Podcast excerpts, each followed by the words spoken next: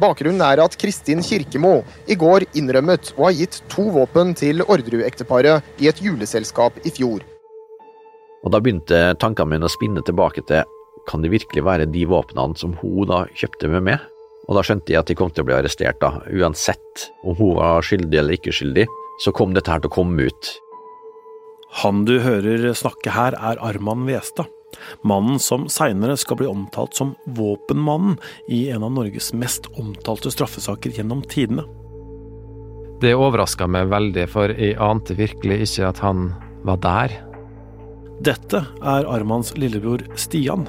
Mens Arman har blitt kriminell, har han tatt en helt annen retning i livet og blitt politi. Hva skjer nå? Hvorfor blei Arman kriminell, og hvordan kunne de to brødrene ende opp med å ta så ulike retninger i livet? Hør de to episodene om Arman Westad i Krimpodden, eksklusivt hos Podmy eller via VG+.